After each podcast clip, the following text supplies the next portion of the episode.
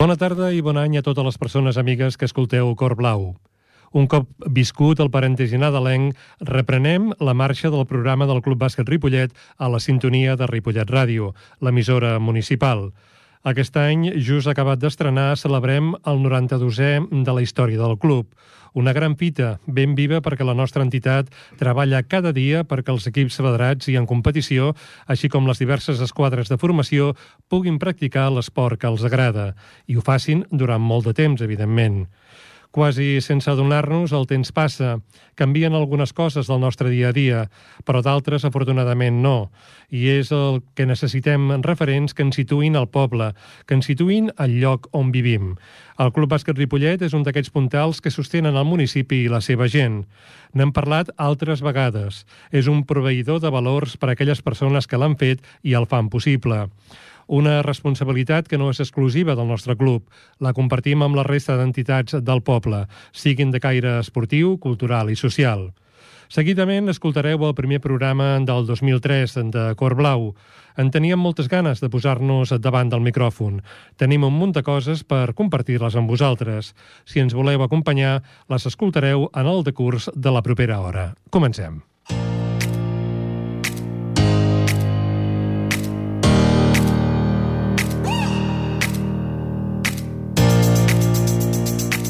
Avui parlarem amb Helena Planes. Ella és membre de la Junta del Club Bàsquet Ripollet. Ve aquí, als estudis de Ripollet Ràdio, per a parlar de l'acte de presentació del club, una activitat que feia temps que no es feia. El bitxet maleït ho impedia. Doncs bé, es farà el proper dissabte, 14 de gener, a partir de dos quarts de cinc de la tarda i al pavelló Francesc Berneda. Coneixerem tot el que s'ha previst per a aquesta jornada. Després tenim previst de parlar amb una persona que s'ha passat moltes hores al davant dels micròfons d'aquesta casa. Es tracta del periodista i productor ripolletenc Marc Mata i Pàrrega. Ell treballa actualment a Radio Marca i a Gol en Cat. A més a més, és fotògraf, veiem les seves fotografies a l'Instagram i a d'altres llocs. Doncs bé, amb ell parlarem de com es treballa l'esport local i com es comunica, com es fa això a la premsa local i també d'arreu. Comentarem l'actualitat de la nostra entitat. Han passat eh, coses, de fet hem tingut els equips que han descansat, eh, alguns més que d'altres, però ara deuen estar cremant molts torrons perquè el cap de setmana tornen a la competició. Si més no, els equips eh, amb gent més gran, els equips eh, de la part alta, diguéssim, d'edat pel que fa a la nostra entitat. Posteriorment parlarem amb Francisco Soro, que ell és entrenador del sènior femení, perquè eh, l'equip que ell dirigeix reprèn la competició amb una visita al Sant Quirze Bàsquet Club. De fet, jugaran les noies el diumenge, dia 15 de gener, a les 7 de la tarda a Sant Quirze. I connectarem amb Raül Jodra, l'entrenador del sènior masculí, perquè el Copa Catalunya del Club Bàsquet Ripollet també tornarà a la competició el diumenge a les 6 de la tarda i serà al pavelló Francesc Berneda. Tot això ho farem possible possible amb en eh, Salva Serra, que ens acompanya aquí a l'estudi. Salva, bona tarda. Bona tarda. Com han anat uh, aquestes festes? Com han anat? Bé, bé, sempre van bé, però mm, sempre amb ganes de que passin perquè si no no hi ha bàsquet. I llavors costa una mica estar sense bàsquet. Has, has cremat els torrons i les calories o encara no? Uh, bueno, intento intento, però tampoc no sóc gaire de menjar molt. Eh? Molt bé. Doncs parlarem amb en Salvador, parlarem amb els altres convidats que us he comentat i ho farem tot de seguit. Soc Alba Navarro, jugadora del sènior femení del Club Bàsquet Ripollet i està escoltant Cor Blau.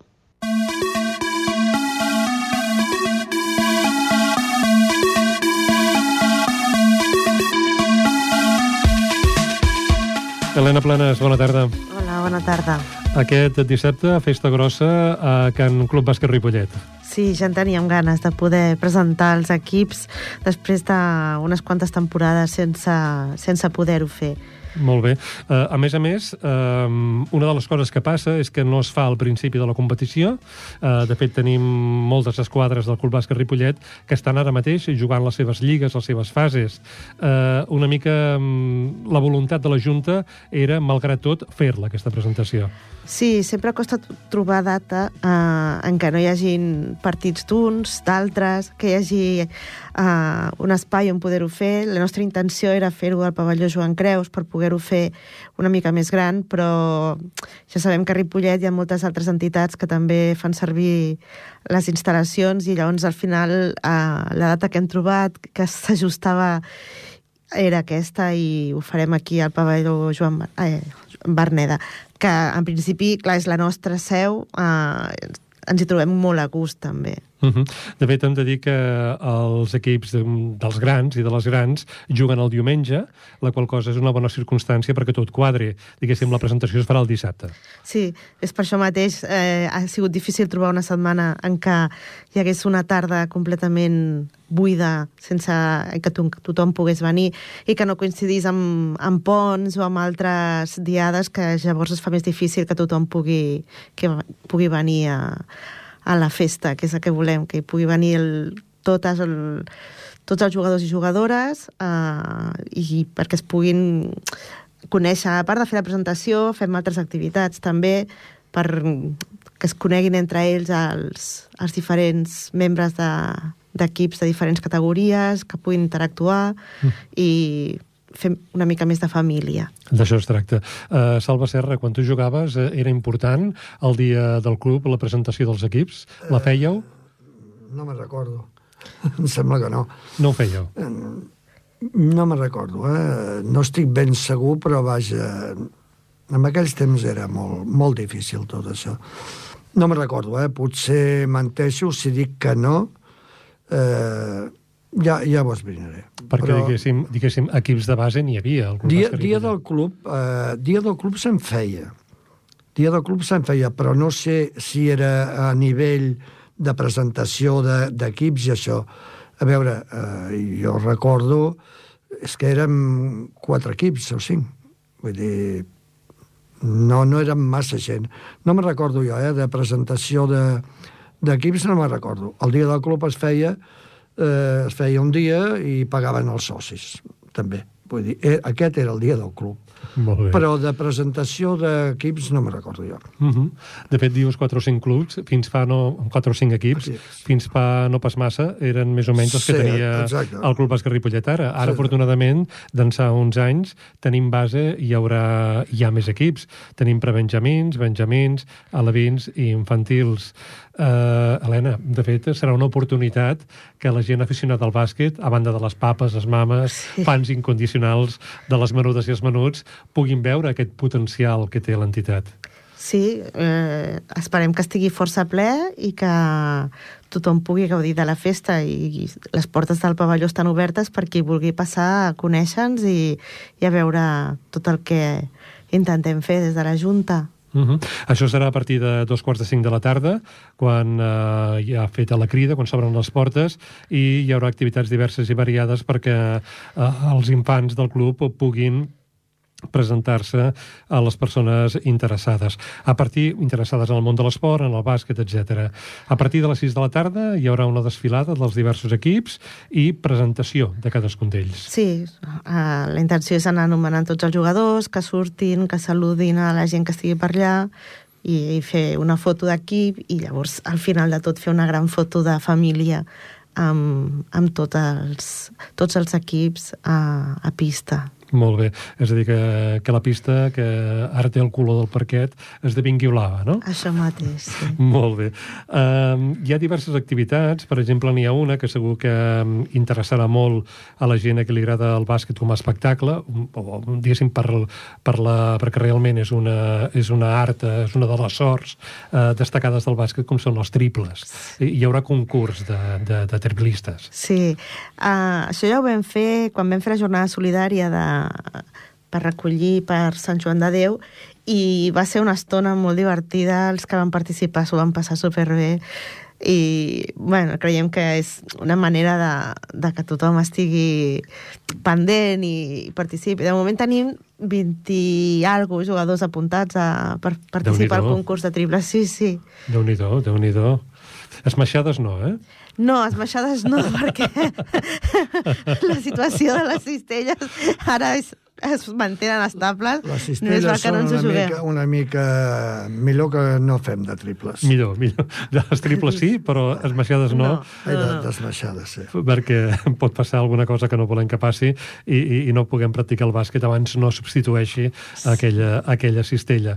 Dius que hi ha un nombre important de, de gent apuntada per al concurs de triples eh, des de júnior fins a sènior. Sí, sí. El, pels més petits, la, la primera franja abans de la desfilada eh, es farà concurs de tirs, però adaptats més a les, a les mides de... Vull dir que serà com una espècie de concurs de triples, però pels, pels més petitons, però per tirar des de diferents llocs, perquè, clar, hi ha molta diferència d'edat entre uns i altres, i, i suposo que separarem per nivell, bueno, per edats i però volem, també volem que s'ho passin bé, que tirar cistella és el que més agrada als jugadors. Mm, I tant que sí. I tant que sí. Aquests dies hem vist una fotografia feta al Francesc Berneda on, on veiem una mica la diferència dels menuts amb la gent gran. Una foto on veiem el nostre número 4 dels prebenjamins, penso, al costat de la Lucila Pasqua. Sí. Dius, el número 4 semblava que portés el pobre, ja creixerà, evidentment, una camisa de dormir al costat de la Lucila Pasqua que fa gairebé dos metres. Aquesta és la, la, la grandesa del bàsquet, no? Que pot practicar-lo tothom i una mica suposo que la idea de la junta del club és evidenciar això, que és un esport per tothom. Sí, i que veure en- engrescar la gent jove jugar, que vegin que tenen un recorregut molt gran per poder practicar l'esport que els agrada. Uh -huh. Una de les coses que també repetirà el club, es va fer a la jornada solidària que es va dur a terme al Joan Creus, és que hi haurà equips eh, mixtes de jugadores i jugadors. Sí, perquè interactuïn més els diferents equips, que hi ha molts jugadors ja es coneixen, perquè hi ha jugadors que doblen amb altres equips i ajuden en els entrenaments quan fa falta gent, però volem això, no? barrejar-los tots, fer equips amb, des de, que hi hagi un equip des de júnior fins a sènior, tant masculí com femení, i que llavors s'enfrontin entre ells, que la complicitat durant un partit no és la mateixa que pots tenir a, amb un tracte pues, habitual o al carrer. Vull dir. Uh -huh. S'ho van I- passar molt bé. És el Mhm. que a l'hora de... Quan volíem organitzar la, la diada vam preguntar a la gent que va participar l'altra vegada i una de les coses que els havia agradat més era el partit aquest. Molt bé. Uh, què es diu entre passadissos? Hi haurà, diguéssim, els equips hauran d'estar fets abans de la competició o es faran allà mateix en funció dels jugadors i jugadores? En principi nosaltres comptem amb tothom, ja que esperem que la desfilada sigui dels equips sencers. Uh, si algú en concret no pot, ja ha avisat a l'entrenador i llavors ja se'ls tindrà en compte. Jo crec que el- l'Oriol, el coordinador, ja vindrà amb la feina feta de casa i... Dels equips mixtes, vull dir. Sí, eh? sí, sí. Perquè eh, no, no veig enlloc que hi hagi un partit de, de veterans, veteranes, de... Ah, no donava la per tant la tarda. ju- Junta contra mares i pares, o... No, hi ha pares que han preguntat si també podien participar, però en aquest en aquest horari que hem fet no, no ens entra. A que sí que si veiem que estan engrescats podem muntar un altre dia uh, un, un partit entre pares que vulguin participar o algun altre tipus de, de diada. Perquè... Una bona excusa, Helena, eh? Sí, Em sí, diu, sí. No tenim temps, no tenim temps per fer-lo, però vaja, vull dir que suposo que tot serà i que, que es pugui fer i que realment el que funcioni, el que guanyi sigui el bàsquet, eh, el que guanyi sigui la família del Club Bàsquet Ripollet i guanyi l'esport, en definitiva, que la gent s'ho passi bé, no? És això el que volem. Sí. Uh -huh. um, això es farà, com dèiem, el dissabte a partir de dos quarts de cinc de la tarda, portes obertes. Si hi ha cap de vosaltres que ens escolteu que vulgueu saber com va això del bàsquet, és el moment per connectar amb la gent eh, de la, de la Junta. Qualsevol moment que hi hagi partit és bo, però eh, en aquell moment de portes obertes pot ser una bona manera que veieu l'amplitud d'esquadres que té el Club Bàsquet Ripollet. A més a més, hi haurà, eh, veig, doncs, un sorteig després de la desfilada amb algun dels articles del Club Bàsquet Ripollet. Sí. Explica'm això, com va. Bueno, això és una mica sorpresa, no? Volem... No diré exactament el que sortejarem, però bueno, volem donar una mica més d'emoció i fer una miqueta més festiu, el, encara més, el, el dia segurament hi haurà alguna motxilla, mm, alguna cosa més. Més, més, més. Qui, diguéssim, qui ha seguit les xarxes del Club Bàsquet Ripollet ja ha vist que de cara als Reis doncs, hi havia material, merchandising del Club Bàsquet Ripollet, suposa que la cosa anirà per aquí, no? Això mateix. Molt bé. Però vaja, no direm de què es tracta, eh? No, no. Uh, es tracta de sèrie, de... El que vulgui veure o que vingui, compri Clar. números. Vaja, vull dir que té les, té les portes obertes. I tant. El dissabte i el diumenge eh, juguen a, els equips masculins, els toques masculins, a partir de les 4 de la tarda. Tindrem el, el Sots 25, a partir de les 6 el sènior A i, i, diguéssim, 10 minuts abans o un quart d'hora abans de les les 8 vuit al juga B. el sènior B. Vull dir que, vaja, que, Sí, que hi haurà sí. oportunitat de gaudir de bàsquet. Helena, vols afegir alguna cosa més? No, jo crec que més o menys ja ho hem explicat tot, el que volem fer, quina és la motivació i que volem ser molta gent i passar-nos-ho tots molt bé. Animada per aquest any 2023? Sí, jo crec que, que tot va... Ja anem sortint de, de les restriccions del tot. Sembla que aquest any es porta tot d'una altra manera i és molt més fàcil. Uh, I disfrutes molt més de, de les activitats al no tenir cap limitació. Molt bé. El senyor vicepresident? El senyor vicepresident li vol agrair eh, a tota la Junta, perquè és un plaer treballar amb tota la Junta aquesta que tenim, i sobretot amb aquest tacte que es farà a la a l'Helena, que és la que ha portat eh, pràcticament, ha sigut la, la, el, cap, el cap de portar tota la feina aquesta. Tots, tota la Tothom Junta ha ho ha fet, participat. però ella ha sigut la, la, la que ha treballat més. Molt bé, doncs eh, ara cal donar sentit a tot aquest esforç eh, que mm, ha capitanejat l'Helena, però que hi ha molta més gent al darrere, i donar-li sentit és que molta gent del poble eh, hi assisteixi el dissabte al Berneda i gaudeixi d'aquest acte de presentació per veure com tenim això del potencial del bàsquet. Vull dir, una cosa és dir que som els veterans del bàsquet, eh, els eh, més antics, però cal demostrar-ho, eh? que, la gent, que la gent ho vegi. això és important. Helena, moltes gràcies i, evidentment, que sigui tot un èxit la presentació dels equips el dissabte a dos quarts de cinc al Berneda del Club Bàsquet Ripollet. Gràcies.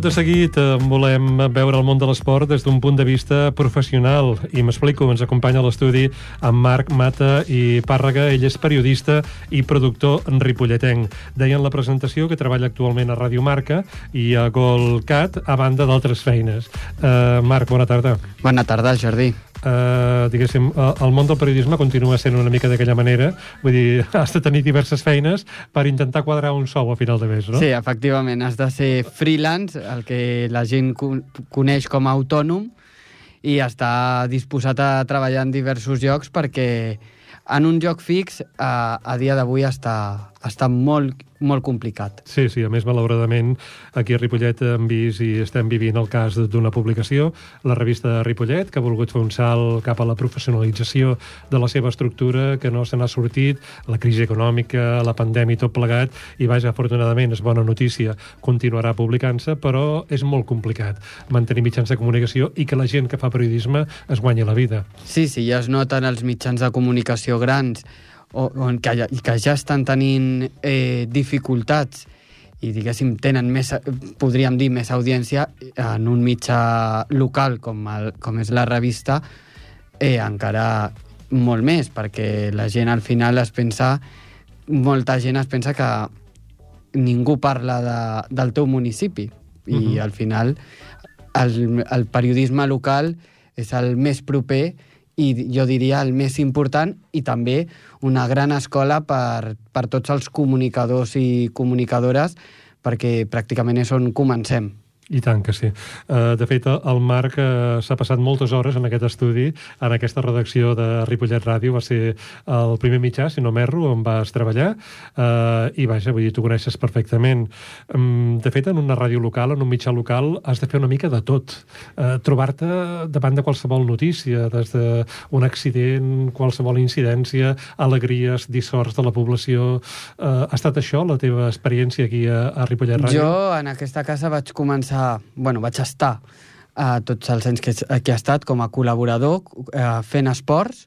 Vaig començar el 2013 el programa Infosport, un programa que ara no es fa, però, però que van passar mm, molta, molta gent eh, que ja s'havia fet anteriorment, que em consta que ho feia un col·laborador d'aquesta casa molt conegut també, que és el Ramon Argenter, i el 2013 el vam agafar un equip de, de joves, d'estudiants, eh, amb ganes d'aprendre, eh, a qui envio una salutació a tots ells, i, i vam estar durant unes temporades amb l'actual tècnic, el Jordi Puy, que estava allà a les, a les, a, al darrere, i, i després sí que és cert que, vaig, que se'm va oferir col·laborar a l'informatiu portant també la secció d'esports, però he estat en programes especials com la Cavalcada de Reis, eh, en dos, eh, el, en dos, legis, en dos eh, programes especials d'eleccions, i però sí, com dius, i més quan ets veí del poble, mm, t'assabentes de tot. I tant. Eh, és complicat fer periodisme quan tu ets veí del poble i pots ser mm, perjudicat o beneficiat d'allò que expliques? Uh, és una bona pregunta perquè molta gent es pensa que, que ser veí i periodista mm, és incompatible, no? A vegades doncs, eh, es pensen que no pots tenir la teva opinió eh, amb qualsevol tema, amb temes eh, que ara estan d'actualitat, eh, per exemple, el porta a porta. Eh, però tots, tots eh, som persones, tots som ciutadans, i tot i que siguis eh, veí del poble o, o ciutadà, mm, dona igual, que puguis opinar també del que passa a Espanya. És a dir, que siguis periodista no significa que no puguis tenir la teva opinió perquè paguem impostos, perquè som també ciutadans, com dic jo, estem entre la ciutadania i el poder, però, però estem més al costat de, de, la, eh, de la ciutadania perquè abans de ser periodistes, que et formes, que és una professió, ets persona i ets eh, ciutadà. Molt bé, uh, us recomanem que seguiu a Marmata a les xarxes socials, si sou d'Instagram, de Twitter, uh, és un periodista actiu i uh, trobareu les seves reflexions de vegades o informacions que fa tant escrites com uh, gràfiques. De fet, el, el, la vessant de la fotografia la treballes molt, també. Sí, perquè al final també és una manera d'explicar de, històries. Jo sempre ho dic, jo vaig tenir eh, clara la meva vocació pel periodisme eh, segons em diuen els meus pares, als 6-7 anys, sempre explico que la meva, la, la meva primera vegada que vaig dir que volia ser periodista era que volia ser corresponsal de guerra. Després això de ser corresponsal no se m'ha tret, però de guerra ja se m'ha tret una mica quan ja ets més gran i vas sabent el que, el que comporta, no? Uh, però sempre m'ha agradat explicar històries, conèixer, i, i això és, per mi, eh, lo important d'un periodista, conèixer històries, explicar-les i, i la fotografia també és una manera d'explicar de, d'explicar alguna història. I tant, eh, ara que parlaves del tema de corresponsal i d'informació internacional, eh, hi ha un ripolletenc, en Nicolás Valle, doncs, que té llibres publicats, eh, periodista, està a TV3 treballant, que realment val molt la pena seguir el seu treball eh, i que, de fet, va començar com tu. Va començar, doncs, com comencen o comencem tots els periodistes a Ripollet, mitjans locals, i és de la fornada de l'Àngels Leiva, del Rafa Ramos i, i d'altra gent que ara estan a mitjans o no, o vinculats d'alguna manera la informació. Però si us agrada llegir, si sou de llegir, els llibres d'en Nicolás Valle són molt interessants. Especialment Ubuntu, Estimada Terra Africana, és molt interessant. Si us agrada el periodisme de Kapuscinski i d'altres, doncs el llibre és molt, molt, molt interessant. Perdona la discreció, eh? Anem, anem cap a l'esport. Mar, tu has treballat molt l'esport local. Um, com com s'afronta informar de l'esport local sabent doncs, que és un esport d'aficionats, aficionades, uh, un esport que la gent juga com pot, en els seus moments de lleure, que de vegades les passions, els sentiments, uh, doncs, generen coses que no voldries veure en un camp, una pista. Uh, quines precaucions has hagut de prendre en el teu temps de treball com a periodista per informar del que vist? Bueno, al principi penses, qui li interessarà un programa de ràdio, d'una ràdio local com és eh, Ripollet Ràdio i a sobre d'esports, eh, qui ens estarà escoltant? Perquè penses, igual no ens escolta ningú, però no, no. Després quan vas pel carrer eh, i veus que la gent parla de, del programa, que, que sap que l'escoltes, que et coneix, perquè mm, m'ha passat gent que m'ha saludat per aquí pel poble i, i jo no saber on, on, o no en aquell moment qui era i diuen, no, si és que t'he vist fer cobertura d'aquest partit o t'he escoltat per la ràdio i, i te n'adones que, que, que sí que, que, que s'ha escoltat, no? Uh, I als clubs, als clubs els interessa també molt uh, que parlin d'ells. Bueno, vosaltres mateixos ara mateix teniu aquest programa, no?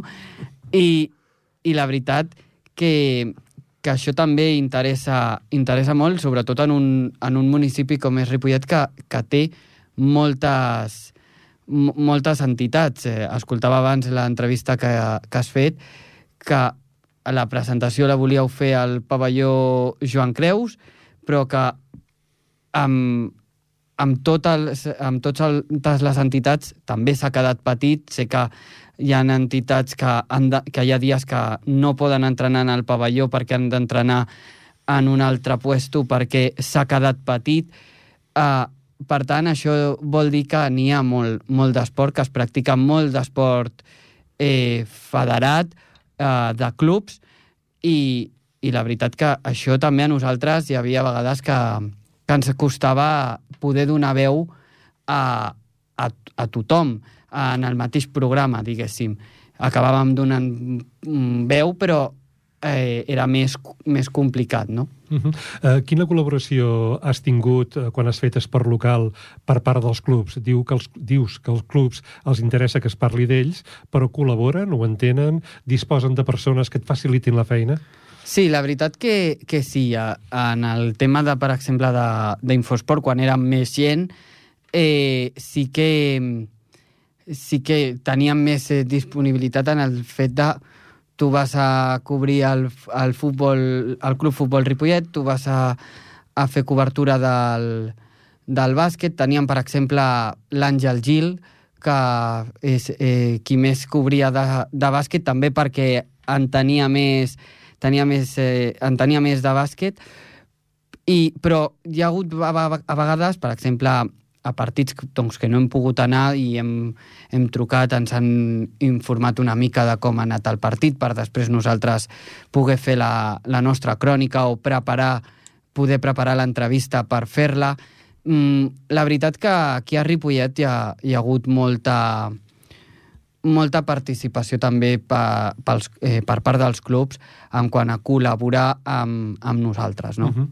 uh, Salva Serra, uh, tu que mm, vas jugar durant molts anys, uh, el que fèieu vosaltres, que vas jugar a, a diversos equips del Ripollet, al sènior durant molts anys, uh, es veia reflectit a la premsa de l'època? Hi havia un contacte amb periodistes, amb persones que fessin informació?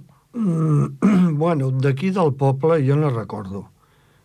Mm, d'aquí del poble no recordo jo. Hi havia um, l'Hernández, el senyor Hernández, però és que no recordo ningú més. Eh, hi havia repercussió, sí, perquè sortíem... Mm, eh, vull dir, érem un equip bastant potent, llavors eh, jo, jo tinc encara retalls del Dicen, uh -huh. del Mundo Deportivo, de, sobretot del Dicen, d'aquella època encara tinc alguns retalls. Que en pau, que en pau descansi, malauradament. Fa, fa 60 anys. I llavors sí hi havia repercussió del Ripollet, perquè, bueno, sempre estàvem a dalt. Però de lo que és periodisme d'aquí, clar, és que era difícil. Uh, no hi havia ràdio Ripollet en aquell, llavors no hi havia... És que no hi havia res. Llavors, eh, la gent en aquí, doncs, no, no, jo, jo és que la veritat no conec a ningú, eh? Uh -huh. D'aquell temps, eh, esclar, estic parlant en blanc i negre. Llavors, és, era, era difícil, era difícil que hi hagués algú aquí. Eh, és el que et dic, però, eh, diguem, de Catalunya, inclús d'Espanya, de, una vegada, com que vam fer diverses sortides, pues sí, en, vam tenir molta repercussió, però era perquè estàvem a dalt. Un altre, els altres clubs, no ho sé com anava, però vaja,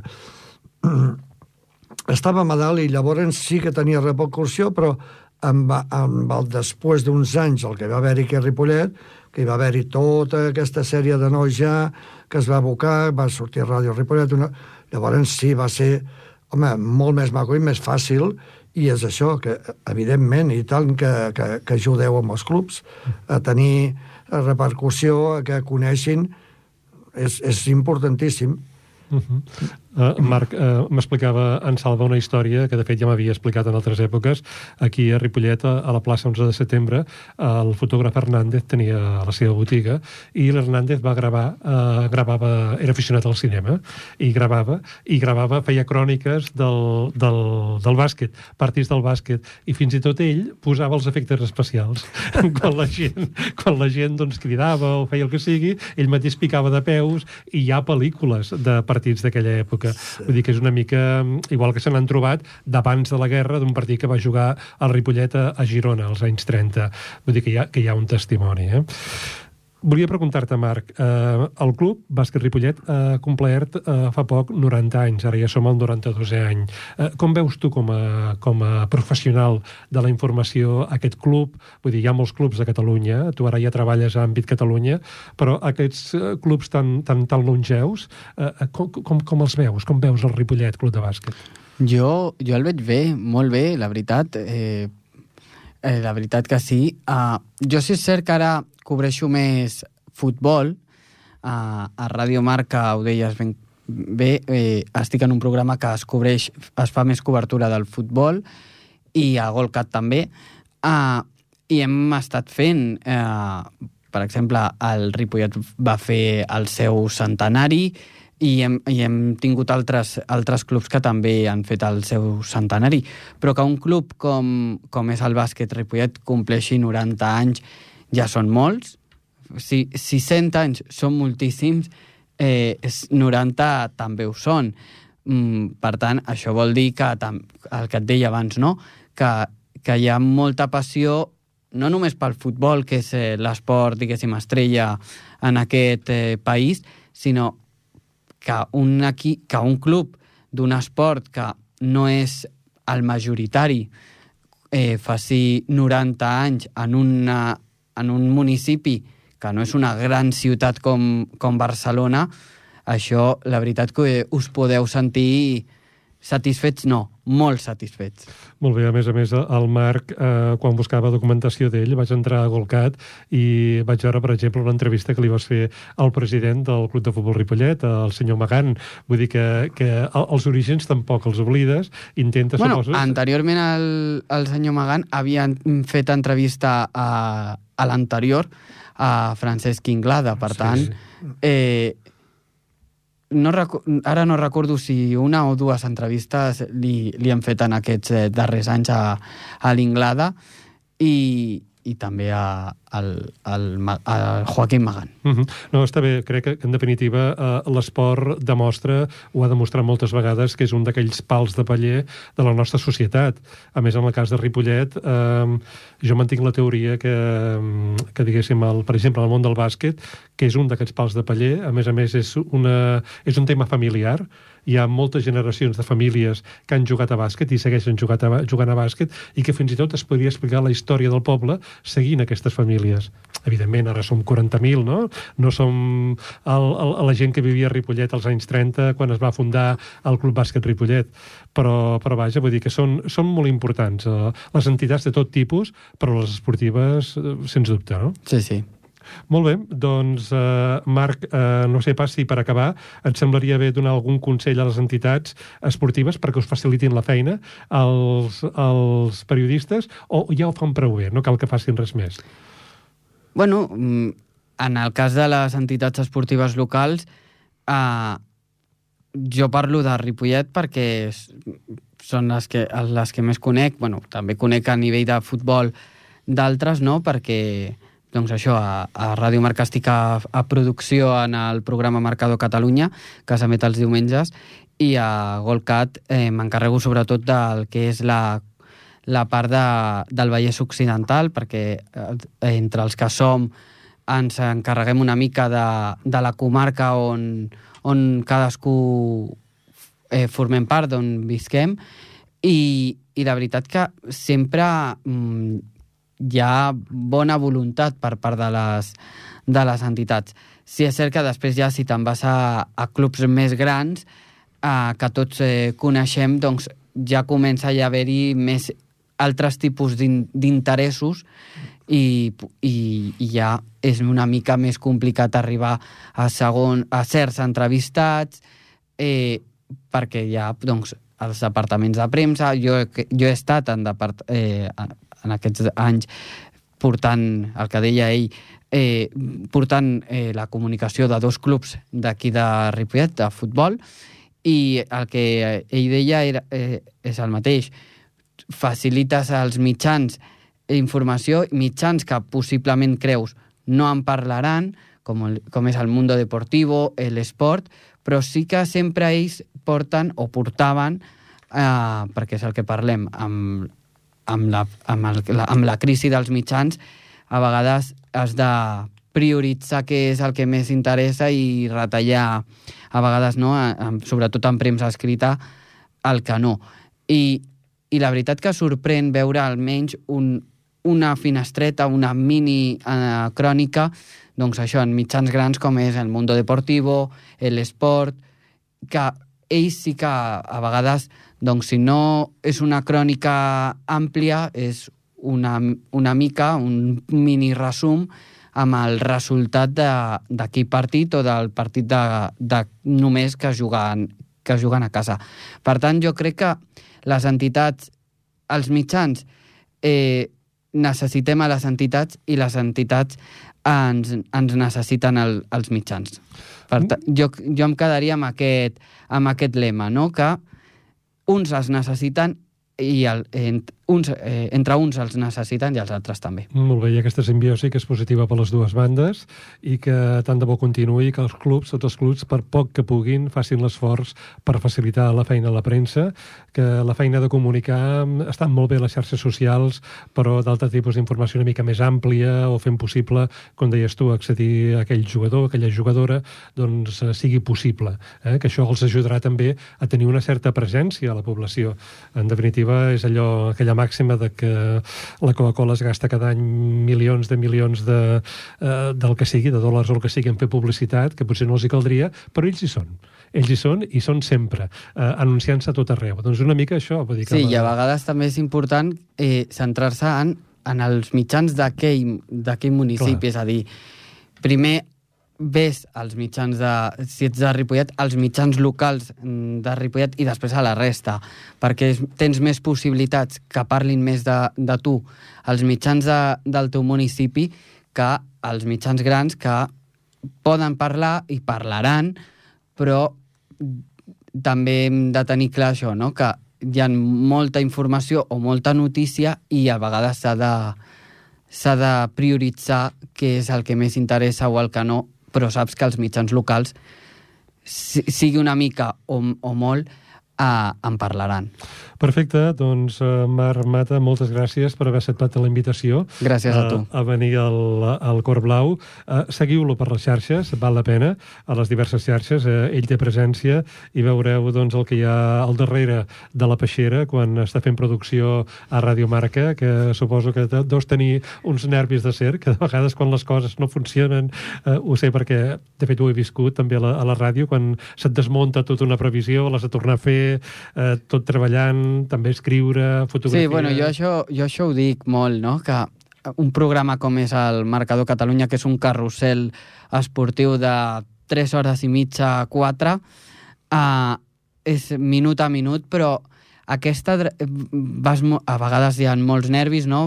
Eh, errors eh, tècnics, eh, que, que, que, que no funciona una connexió com Déu mana i has de tornar, però són nervis que aquesta adrenalina, dic, com dic jo, mola. No? És a dir, una adrenalina positiva d'estrès, però, que, però que agrada, perquè a vegades, si no estàs molt actiu, eh, doncs això, si t'agrada el que fas, mm, és eh, positiva, la, aquesta adrenalina. És la que transmets quan fas el programa. Eh? Molt bé, doncs, Marc, moltes gràcies i et seguirem eh, llegint, escoltant, veient les teves fotos. Gràcies i nosaltres seguim. Gràcies a tu. Tenim ja el Francisco Soro per aquí. Com us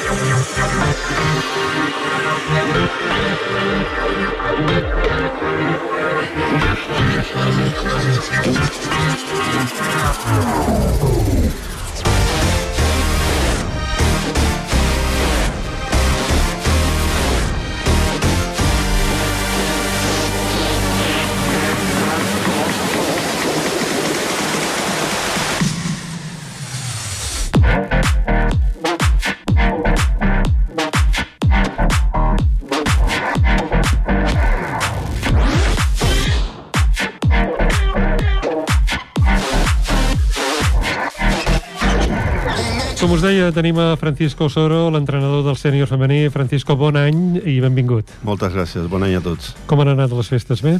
Bueno, han ido bastante bien las fiestas, como siempre. Bueno, hemos, eh, hemos seguido entrenando. Eh, no al nivel que haría un equipo profesional porque es aficionado, pero sí no hemos cortado el ritmo y hemos ido entrenando. Molt bé. Uh, les jugadores ja han cremat tots els torrons o encara estamos en Encara ello? ens queda una mica, però bueno, estem, estem en, en fent perquè els cremin del tot. Molt bé. Tenim a totes les jugadores bé, perquè vam veure No. la pivot, a la Cira, que no... La Cira encara està... Avui començarà a fer alguna cosa d'entreno, a veure si el diumenge pot jugar algun minut, però està, està, encara està malament. Mm, L'altre dia un pare del Cerdanyol en demanava per la Cira, no tenia la informació, Sí, sí, però encara està. ja se la faria arribar eh, en gran detall del, del, del Cerdanyolenc Sí, sí, demanant per la nostra pivot, perquè en definitiva és un dels valors de l'esport, eh, són, són contraris, però no són pas enemics ni Sí, enemigues, sí. sinó que juguem un joc que d'això es tracta, que ens agrada. Escolta, aquest eh, cap de setmana, el diumenge, eh, Sí. viatgeu, aneu a jugar a Sant Quirze, Mhm. a les 7 de la tarda, amb l'equip titular de la, de la pista. Eh, com, com ho teniu? Què, què en sabeu del Sant Quirze? Bueno, San Quirze eh, es un equipo muy corro- corrosivo, es un equipo que lucha mucho, es un equipo que en, clasi- en la clasificación está por, por debajo de nosotros, ha ganado cuatro partidos, pero ha hecho resultados muy irregulares, muy raros, ha hecho resultados en equipos fuertes, les ha ganado y en cambio con equipos flojos ha perdido, es muy irregular, pero son muy duras. Yo he ido a verlas jugar dos partidos y son duras, son duras, es un equipo duro. És, són les característiques, potser, d'un equip en construcció, el Sant Quirze? Jo crec que no, que és un equip va pujar de segona l'any passat, que ha incorporat alguna jugada, però la base és la mateixa que tenia segona l'any passat. Uh -huh. uh, I vosaltres, per afrontar un partit com aquest, uh, que pot ser irregular, uh, us podeu trobar amb un equip dur, com, com deies tu, Correoso, uh, com, com, com ho prepareu, un partit com aquest? És un tema mental. Tenen que anar mentalment, són superiors i tenen que anar a guanyar el partit i, i a treure endavant el tema. Vull dir, no hi ha més. Uh. -huh. Una defensa molt dura, amb un atac molt concentrades i eh, intentar treure el partit del moment d'inici per no tindre complicacions al final. Uh -huh. Perquè, de fet, eh, quan vau jugar amb el Cerdanyola, el partit uh -huh. que vau guanyar, l'únic partit dels derbis que teníem que es va guanyar, Sí. eh, l'equip no, no, no, no va estar ben connectat tot el temps. Vull dir que No potser, estar, a, a priori semblava que seria un partit molt fàcil, Sí. però, clar, els partits s'han de guanyar. Però aquí va passar una cosa. Esperaven que el Saranyola fos l'equip que estava jugant fins ara, però no va ser així, sinó que han pujat tot l'equip de preferent, de les júniors, són molt joves, però tots estaven jugant a preferent, i es van trobar la sorpresa que sis jugadores eren, eren de l'equip de preferent, i això ens va fer mal. Van sortir molt confiades i al principi pues, pues es va costar.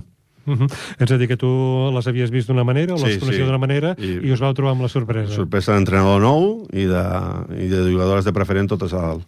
Però això, això pot passar, vull dir que Pot no... passar perfectament i amb aquesta categoria més, però bueno, es va ser un tema de, jo crec que de mentalització, de confiança. Uh -huh. uh, la Cira no podrà jugar, uh, entenc? Mm, a veure, mm, ja veurem com està avui l'entrenador. Uh. -huh. Avui començarà a entrenar algú, va estar amb el fisio el dimarts, vam fer la ressonància la setmana passada, el trauma, l'ha fet... Eh, bueno, està amb ella i mm, l'argumentació és que no, no forci molt, però la lesió no és superimportant com per, per estar parada, no? Uh -huh. Hi ha cap altra jugadora que no mm, podrà jugar o tens tota la resta, La a disposició? resta, el problema ha sigut que no lesions, però sí han estat la, la majoria han estat amb, amb grip, constipades, han faltat moltes en entreno.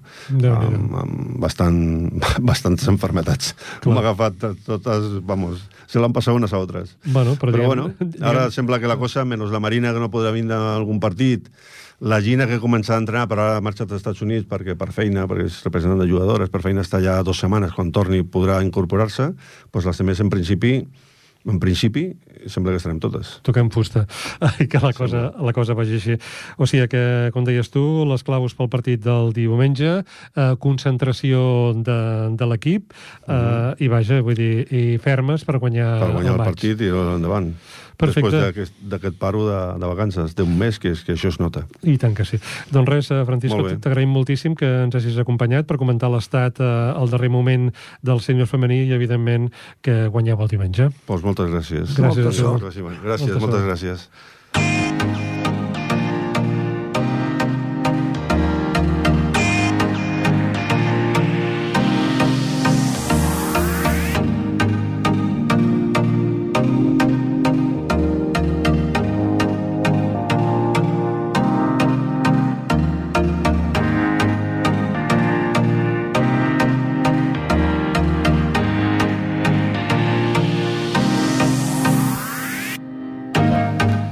Doncs hem conegut eh, l'estat del sènior femení, com afronta la tornada de la competició. Ara és el moment de saber com tenim el Copa Catalunya i per això saludem, perquè el tenim via telefònica, el seu coach, el Raül Jodra.